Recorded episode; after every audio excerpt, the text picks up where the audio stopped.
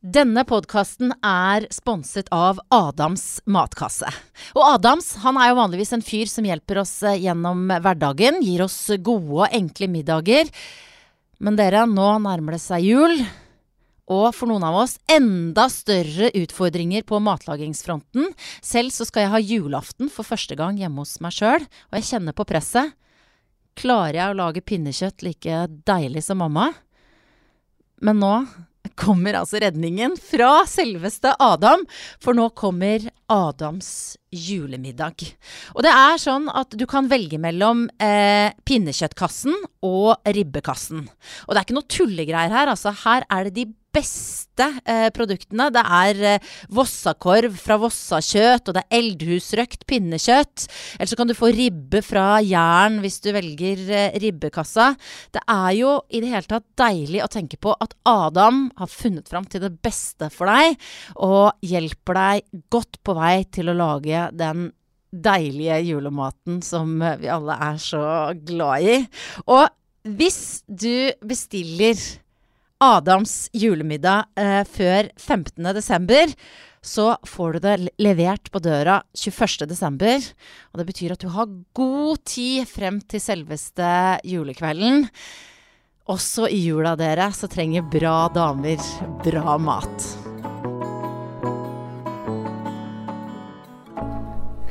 Sånn, da skal jeg bare se at den uh, går. Uh, og så bare begynner jeg. Ja, ja. kjør på. Ja. Dette her er podkasten Bra damer, og observante lyttere hører sikkert at dette her er en litt sånn spesiell episode.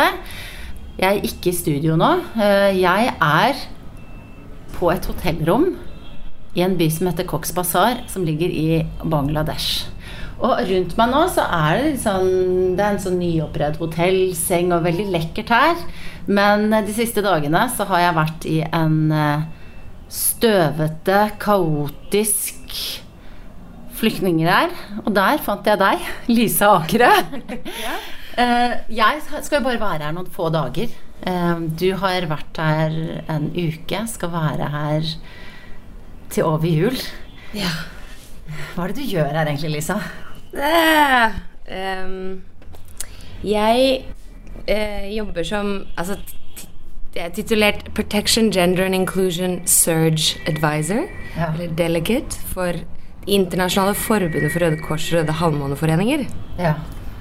Det er jo veldig mange ord på en gang, sånn samla. Men det jeg driver med her, er at jeg har ansvaret for å gjøre det beste Røde Kors og Røde Halvmåne, altså hele operasjonen her nede, kan i forhold til å, å sikre tryggheten til de som eh, flykter fra Myanmar, og som er her i disse leirene.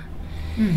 Um, tryggheten deres og verdigheten deres, og at alle, uavhengig av kjønn og um, mobilitet, holdt jeg på å si, um, har tilgang da, på alt det vi deler ut. Mm. Og ja alt det vi gir her i forhold til helsehjelp og sånne ting. Nå, når jeg møtte deg nå, så satt du nede i hotellobbyen her og jobba litt foran datamaskina. I går så var vi som sagt sammen ute i flyktningleiren sammen med masse barn. Mm. Um, hvor er det du er mest i den jobben du har nå? Yeah, um, det er ganske, den jobben jeg har nå, så er det ganske 50-50 om jeg sitter i, på kontoret vårt, altså det store Population Movement Operation-kontoret. Mm. Uh, det er et veldig kaotisk kontor. Der er det også denne deilige lyden av Bangladesh i bakgrunnen hele tiden, med mm. tuting og uh, kaos. Og masse folk inn og ut absolutt hele tiden, som er i veldig sånn mission mode, som vi kaller det. Ja. Som, det skal gå fort, vi skal være effektive, og vi skal gjøre veldig mye på en gang. Så halvparten av tida så er jeg på det kontoret og prøver å få fart i liksom altså prosesser i forhold til å Akkurat nå jobber jeg veldig mye med å få eh, fatt i det som vi kaller for dignity kits. Sånn at vi kan begynne å dele ut menstruasjonsutstyr uh, til altså, typ bomullstøystykker. Uh, mm. For det er den typen de bruker her. Uh, underbukser og sjal, altså hijab-sjal. Eh, og kjoler. Det er veldig mange kvinner her som ikke har ordentlig klær. For de har mista det, eller de har ikke De kom ikke hit med klær, og de har gått reist fra alle eiendelene sine. Så det, og det er en sånn prosess som er veldig sånn kontorbasert, da. For det er veldig mye admin-arbeid, og vi må sende ut anbud til forskjellige liksom, mm. ja, tilbydere, og så må vi velge hvem som gjør det best og kjappest og størst kvanta og billigst. Uh, så det er kontorarbeiddelen, og så er det mye koordineringsmøter med FN og Redd Barna og alle de andre organisasjonene som er her. Men resten av halvparten så er jeg også rundt i disse leirene. Eller innom uh, sykehusene eller de mobile helseklinikkene. Um, og sjekker at alt står til uh, ok der. Og at alle i de forskjellige teamene da, vet hva de skal gjøre hvis de finner ut at de står overfor en kvinne som har blitt utsatt for voldtekt, eller et barn som har mistet familien sin, eller Um, så det går mye på noen felt der og da, rådgivning og respons også. Så jeg blir mm. ringt hvis det er en sånn type sak hvor ikke kollegaene mine vet hva de skal gjøre helt. Mm. Mm. Og da vet du det? Da må jeg i hvert fall finne det ut. Hvis jeg ikke yeah. ja nei, jeg, eh, det er jobben min. Det er ansvaret mitt å vite det. Mm. Så jeg, jeg, vet det som er å vite her og nå. Det er masse hull i, i hjelpen fortsatt.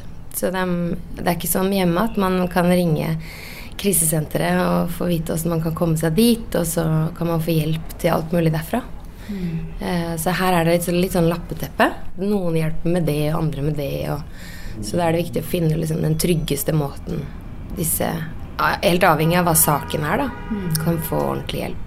Mm. Du opplever jo da på en måte de, Du hører om de mest brutale sidene av eh, denne ganske sånn kaotiske situasjonen eh, som vi jo hører om eh, hjemme i Norge, men du er på en måte midt oppi et av de heftigste stedene eh, i verden akkurat nå. hvordan opplever du det selv? Eh, nei, jeg opplever det absolutt som heftig. Det er ikke noe sånn at Man er jo ikke immun mot noe som helst, eller man har en sånn, eller, sånn type jobb. Um, men du går inn i en eller annen sånn type beredskapsmodus. Hvor du liksom For det nytter, nytter ikke å, å, stoppe opp for mye og tenke over eller kjenne etter for mye på hva det er vi egentlig er en del av her, eller, eller ser her. Um, mm, man går litt sånn i ett. Man, uh, går videre, liksom. Gå på, gå videre. Ja. Um, så er det jo alltid en periode sånn når man kommer hjem eh, etter en sånn type jobb, hvor det er noen uker hvor du er, går opp og ned litt sånn i stemningsleie. at man kan plutselig bli ganske sånn forbanna og irritabel og være litt sånn dust mot alle rundt en. Mm. Eh, det er veldig vanlig. Og så kan man plutselig bli helt sånn matt og bare lei seg, litt deppa, og man kan gå gjennom forskjellige sånne faser. Uh, og det, det, er litt det, er mer, det, kan være tøffere for de rundt da, enn en selv, for man vet selv litt hvorfor det skjer. Mm. Men, uh, eller hva det er som foregår. Men det er ikke like lett å forklare det. Uh, så folk rundt må, må tåle litt når man kommer hjem fra en sånn Gjør de det? De sånn, du har rundt deg? Ja, ja, mamma tåler ganske mye. og så har jeg gode venner som, som også tåler en del, altså. Som er litt sånn tykt og tynt folk. Som, ja. Det er viktig. Det er kjempeviktig. Og det å kunne få lov å bare ikke ta telefonen på en uke og bare sove, f.eks. Det er også en sånn en greie som er ganske vanlig, som jeg gjør når jeg er ferdig med en sånn jobb. Mm. Men når du er her, og jeg, altså, jo ikke jeg, jeg kjenner jo ikke deg spesielt godt, men jeg har liksom møtt deg nå for noen dager siden og sett deg på jobb og snakker med deg nå, og jeg tenker du har en, virker som du har en utrolig sånn handlekraft da, mm. eh, midt i, i, denne situasjonen. Hvor, eh, hvor henter du det fra? Jeg tror Altså, man kan snakke om Jeg vet ikke um, det, er, det, er liksom ingenting annet som er viktigere her og nå. Altså Det jeg ser foran meg, og som du også nå har, har vært inni og, sett på Det er skal godt gjøres å komme på noe som er viktigere eller som haster mer, enn mm. å gjøre noe med det. Eh, det at, det at det bor mennesker her som er utsatt for det de forteller om helt forferdelige ting, og som ikke har altså helt grunnleggende ting. da, Mat og vann og eh, Eller lås på døra eller mulighet til å gå på do aleine og sånne ting. Det er eh, Det er liksom Alt annet blir på en måte borte. Um, og det er bare det som er viktig her og nå. Men um, jeg tror også Altså man er helt avhengig av å ha en ganske sånn Den gode En sånn god form for stress, da. Uh, jeg ikke, Man skal selvfølgelig ikke bli overstressa, og det blir man nok i sånn jobb som dette her etter en stund. Men man må ha et visst stressnivå i kroppen for å liksom klare å, å gå videre. Vi sover litt lite, og vi jobber litt sånn rundt, døgnet rundt egentlig litt. Og, og, kanskje ikke spiser nok, og kanskje ikke, ikke sant? Det, det går veldig i ett. Og det er det, det, stresset, det adrenalinet, som du liksom lever litt på. da. Med det at det er såpass alvorlig, det du jobber med. Men har du, når du er her nede, eh, så jobber du stort sett døgnet rundt. Men har du liksom noe noe du avreagerer med her? Altså før du reiser hjem? Uh, ja vi, Det er mye humor, liksom. Det er mye galgenhumor. Det er veldig viktig. Det høres jo morbid ut, liksom. Men, uh, og det er også sånn som er veldig vanskelig å forstå hvis man ikke jobber inni det. Uh, nå etter et par dager hvor du har vært her, så, så kunne jeg tatt et par av de ja, kommentarene til deg. Liksom. Ja, for man må liksom komme litt inn i det. Um, for for utenforstående så kan det høres ganske kjipt ut og hjerteløst ut, eller hjerterått ut, men det er en av de tingene vi er helt avhengig av for å liksom For å utagere, da. Mm. For å få ut noe av det stresset som ikke er helt bra, da. Som bygger seg opp på det som er bra. Mm. um, men det er selvfølgelig ikke på bekostning av, av, eh, de vi jobber sammen med, eller de vi jobber for eller med. Men, um, men det er én ting. En annen ting er liksom å prøve å få jeg, Når jeg har kontordager, så får jeg trent, da. Og det er, det er også sånn for å holde liksom, kroppen alt litt sånn i balanse og i gang. Eh, så jeg har funnet ett hotell som har et dugelig treningsstudio her, hvor faktisk tredemølla virker.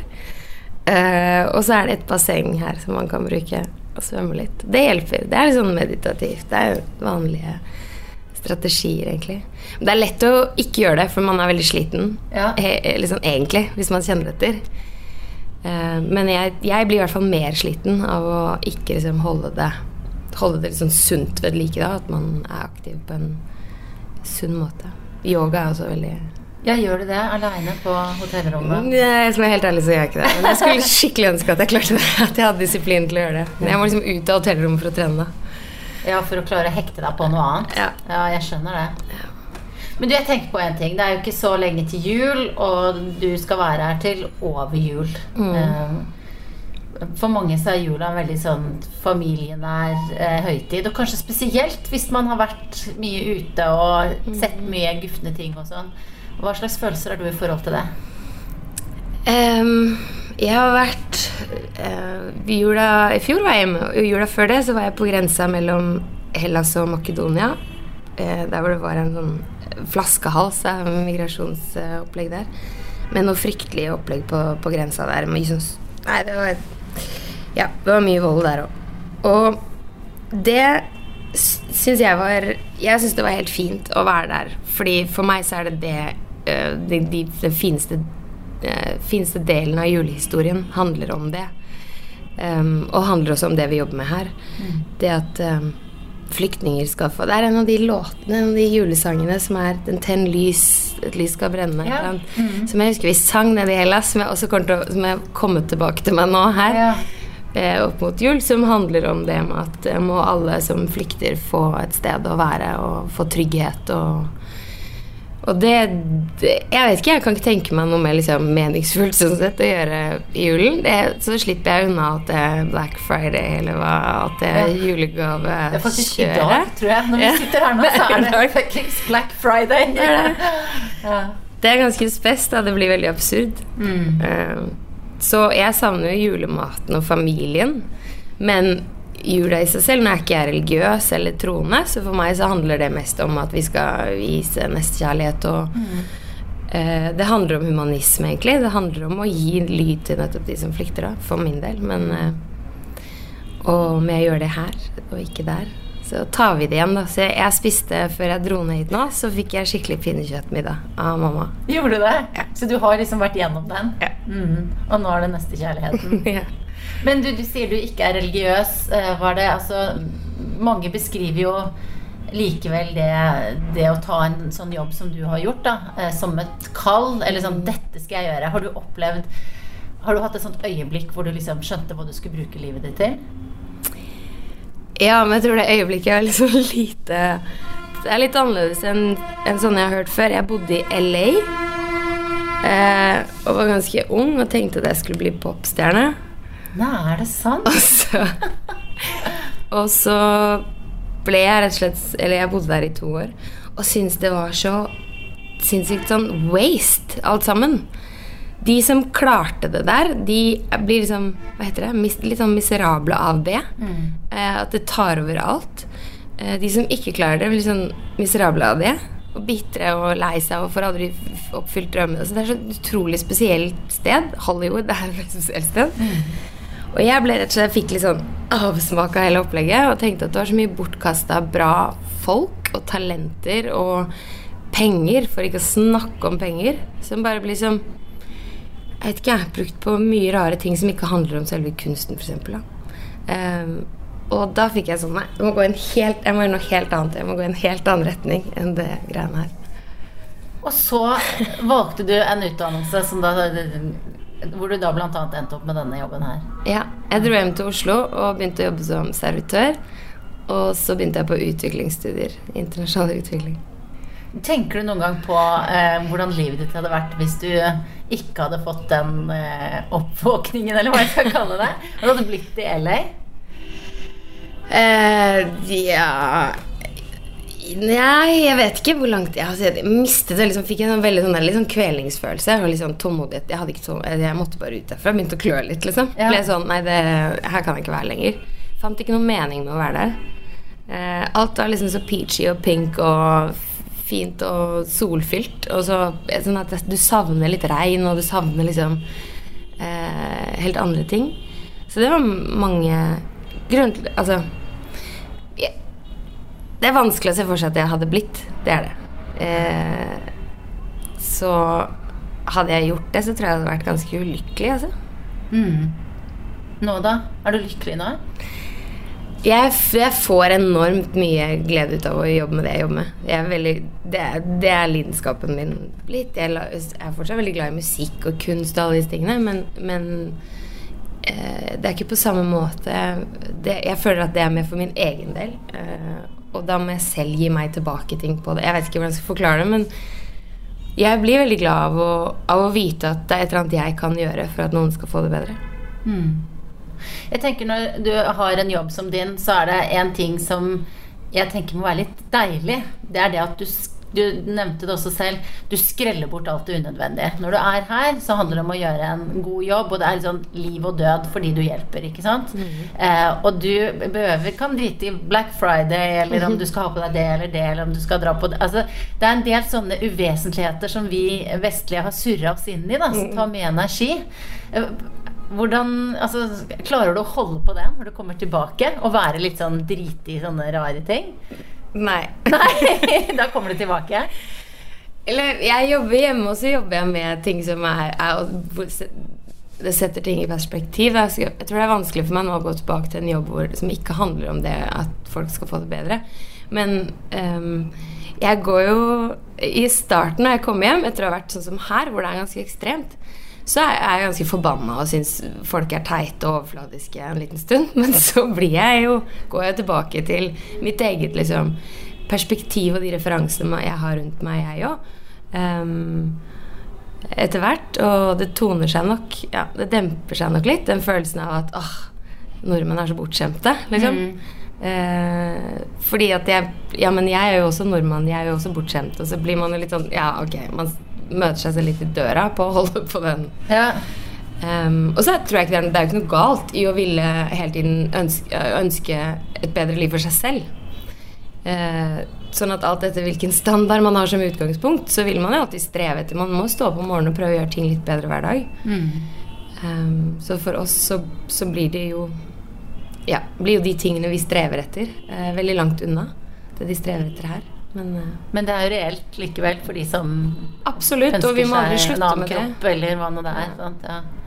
Og, og det er liksom sånn instinktivt, tror jeg. Hvis, jeg tror hvis vi hadde sluttet med det som mennesker, uansett hvor bra vi har det, hvor mye penger vi har, eller hvor, hvor mye goder vi har, liksom Hvis vi slutter å ville ha mer, så er det jo et eller annet som vil stagnere med utviklingen også, da, hvis man tar den veldig langt. Sånn. Hva er det du drømmer om eh, i ditt liv, da? For deg selv?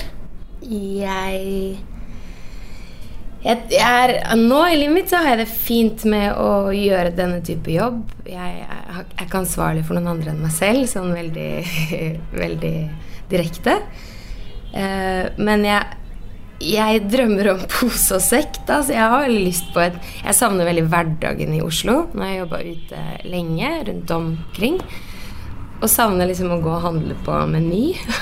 gå eh, Ja, og bo nærme venner og familie. Og kunne bare stikke bort. Banke på døra, nesten. Eh, og så ønsker jeg meg veldig et sånn, sånn type liv. Jeg ønsker meg jeg har lyst til å finne noen å bli forelsket i.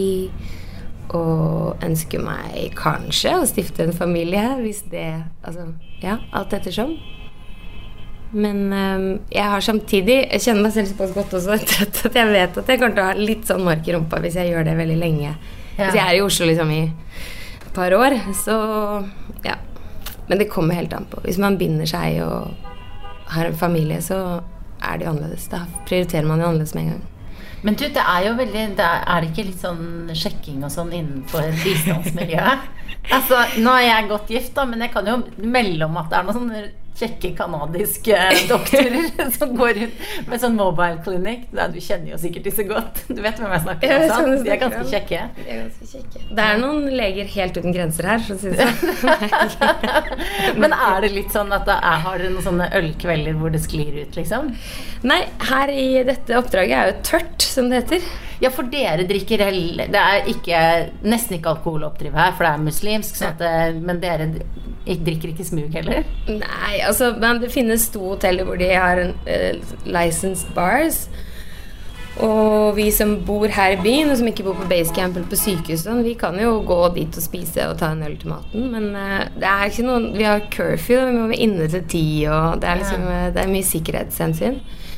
Uh, det er nok større fare i de campene hvor de bor tett i tett i telt Besøker man hverandre og sånn i de teltene? Altså Nei. Jeg skrev en egen bok om dette her, og det er jo en sånn kjent sak at det er en, også en vanlig coping mechanism. Mm. En vanlig måte å debrife på når man er ute i felt. Opplever mye vondt, så er det fint å bare være litt nær noen. Um, og så er det noen som sier 'hvordan er det'? Man kommer, man kommer fra felt, og så har man blitt tynn og brun og hatt masse sex. Det er liksom det man får fra å ha vært i felt. Jeg har ikke blitt så veldig tynn, ikke så veldig brun, og jeg har ikke hatt sex så langt. Du skal jo være her til over jul, da. da. det er håp, liksom. Det er håp.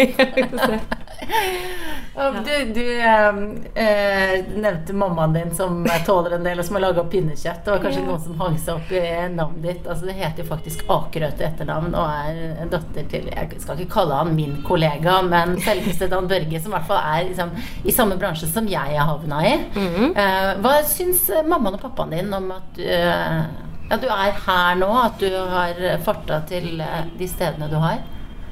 Um, begge to er veldig stolte. Mm. Um, mamma Altså ja, De er fryktelig stolte på liksom hver sin måte, men egentlig bare fryktelig stolte begge to. Pappa hadde jo, drev jo egentlig Før han havna ramla inn i dette medielivet, så, eller TV-livet, så um, var pappa veldig engasjert i internasjonal uh, ja, utviklingsarbeid eller bistandsarbeid osv. Og, og hadde nok egentlig en liten sånn drøm inni magen et sted om å drive med det sjøl. Mm. Um, og jobbet jo som korrespondent i Latin-Amerika for NRK og sånn. Før de fikk det fjeset hans på TV og tenkte at uh, der ville de ha han mer. Så han er kjempestolt, ringer masse, og, og så er, er, han veldig Han har alltid vært en veldig sånn stor støtte til Røde Kors, da. Altså den organisasjonen, så det hjelper litt, det også. At det er en mm. veldig sånn har, Det er mye stolthet i, i akkurat det. Um, og så er de jo bekymra, da. Sånn som når jeg er her, så så er de bekymra i forhold til hva, hva, kan, hva, kan, gå galt. Og man hører jo om angrep på hjelpearbeidere rundt om i verden. Mm uh. Og, så og det er selvfølgelig det er vanskelig. Det er vanskelig igjen da, for dem som sitter hjemme og ser for seg hvordan det er her, om jeg er trygg eller ikke, om jeg ja, bare Mamma er veldig opptatt av Men hva ser du rundt deg nå? Hva lukter du? Hva hører du? Hva, hva er stemninga, liksom? Hun, hun, ønsker seg veldig at jeg opp, uh, ja, oppdaterer henne litt på det. Mer sånn stemningsrapport. Ja. Eh, og hvem jeg jobber med, og hvordan de er. Om de er snille eller ikke, om de er morsomme eller. Mer sånne ting. da. Ja, ja. Eh, pappa er veldig opptatt av måte, det- vi jobber med, og eh, strukturene rundt. Altså hvordan, hvordan alt er organisert og koordinert, og hvordan vi opp, jobber opp imot uh, det som skjer på andre siden, altså Myanmar og Så vi har veldig gode politiske diskusjoner hjemme, og ja. Er det, hvem er det du ringer til hvis du, hvis du trenger å prate med noen når, når du er ute? Hvem er det du ringer til da? Det kommer an på hvor stort, pro hva, hvor stort problemet er. det er liksom det er veldig lav terskel for å ringe mamma. Men hvis jeg sliter sånn ordentlig med et eller annet, så ringer jeg pappa. Ja. Og da får du god uh, Ja, da kan han, Hvis det er sånn ordentlig sånn Nå vet jeg virkelig ikke, liksom. Da kan jeg ringe han. Da føler jeg at da kan han Men det er sikkert en sånn Jeg vet ikke. Eh, Sånn greie fra jeg var liten, liksom. Men da, hvis det er ordentlig gærent, da kan pappa fikse det. På en eller annen måte. En rar følelse av det. Jeg vet at han ikke kan det, sannsynligvis. Men, eh, men så har jeg veldig gode venner. Jeg har veldig nært forhold til barndomsvenner som jeg gikk hele grunnskolen med. Som, som jeg kan ringe. Er du noen gang redd når du er på jobb? Mm. Ja, det er litt sånn rart spørsmål, for jeg Jeg har kanskje opplevd mest i jobb at jeg har måttet bli flinkere til å bli redd.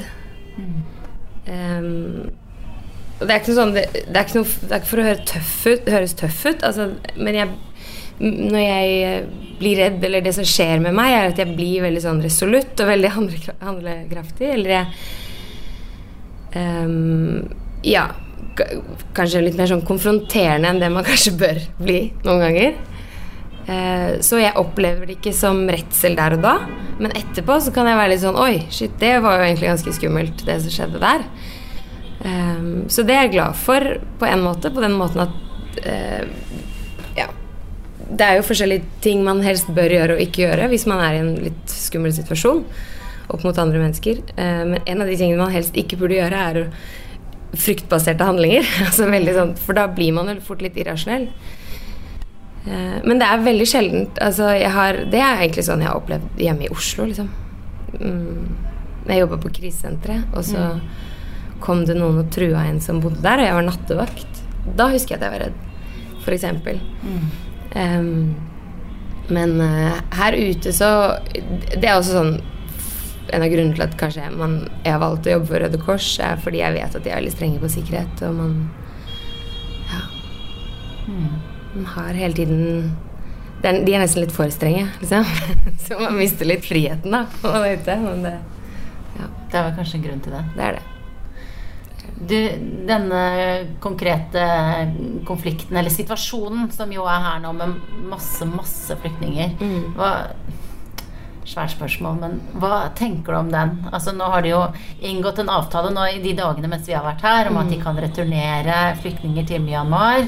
Um, altså, ser du for deg noen løsning på denne svære, svære saken? Mm, jeg vet ikke, men om, om løsning er på en måte litt Det tror jeg er et for stort ord. Jeg tror at man kan se etter små, altså mindre løsninger. Delmål, liksom. Men eh, jeg tror det, altså, dette kommer til å vare i mange, mange år. Og én ting er den situasjonen sånn som den er akkurat nå, og hvordan de bor her i Bangladesh akkurat nå. Men altså, på en måte etterskjelvene og, og det at så mange mennesker skal bære med seg de tingene de selv forteller at de har opplevd, det er ikke noe som går over. eh, Selv om de får et, en bed, eller bedre delløsninger på hvor, det, hvor de skal være, og på det å ha en identitet og en tilhørighet og, og sånne ting. Um, jeg tror at bare det som har skjedd hittil, er nok selv om, La oss si at alt bare ble bra i morgen, liksom. Sånn situasjonen deres, den eh, de er i nå, så ville det fortsatt ikke være over på mange, mange år. For det, er, det, det, det gjør så mye med mennesker, da, det de har måttet uh, oppleve. Jeg snakka med en jente i dag som um, hadde selv blitt skutt og mistet pappaen og mammaen. Dette her med disse barna som som er liksom må bli voksne så, så fort, og som har sett sett så mye. Det er jo på en måte et helt folk som er traumatisert, da. Hva, altså, hvordan Det er jo det på en måte du er med og skal jobbe med det. Hvordan, hva er de riktige måtene å hjelpe folk på det?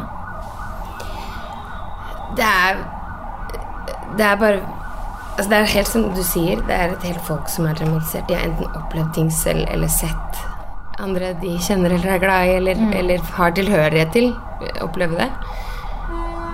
Uh, og alle disse barna som selv nå har blitt foreldre, eller er på vei til å bli det, eksempel, det, det er en sånn Der er det så mye, da. Sant? Man må, det er kjempe, kjempeviktig at man bare så fort man får muligheten, klarer, kan begynne å jobbe med, med håndtering av disse de reaksjonene som de nødvendigvis må ha.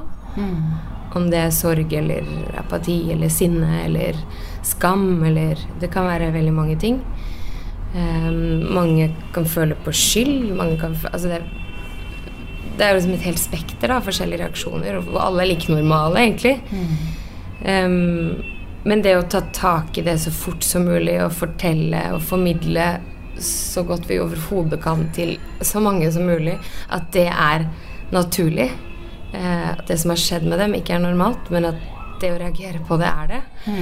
Eh, og at de trenger å gjøre det, og, og, at, eh, og hjelpe dem å gjøre det sammen. Det tror jeg er det viktigste. At de at ikke vi kommer her og sier nå skal jeg hjelpe deg å komme deg gjennom dette. Ja.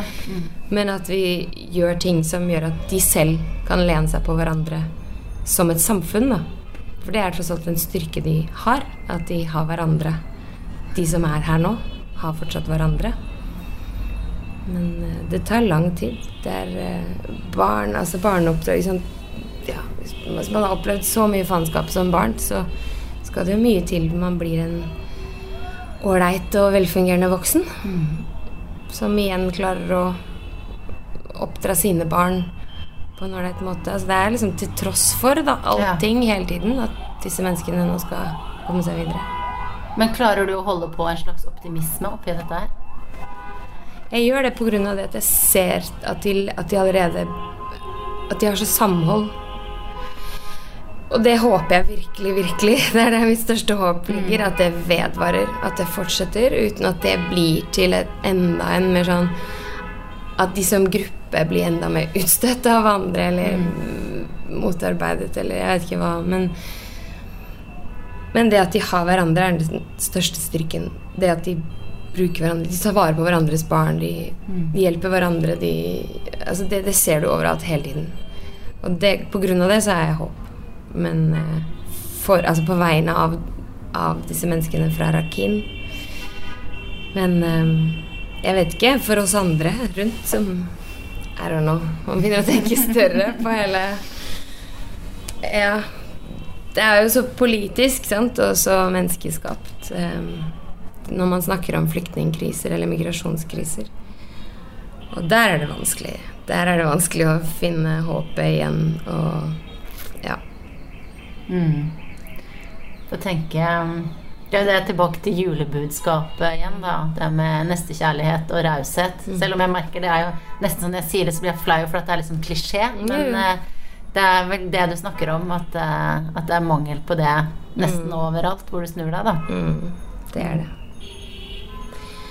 Og historien gjentar seg så sinnssykt hele tiden. Det er helt utrolig at vi bare aldri kan lære, liksom. Man får jo assosiasjoner til de verste bildene vi har sett, liksom. Med hvite busser og med Ikke sant?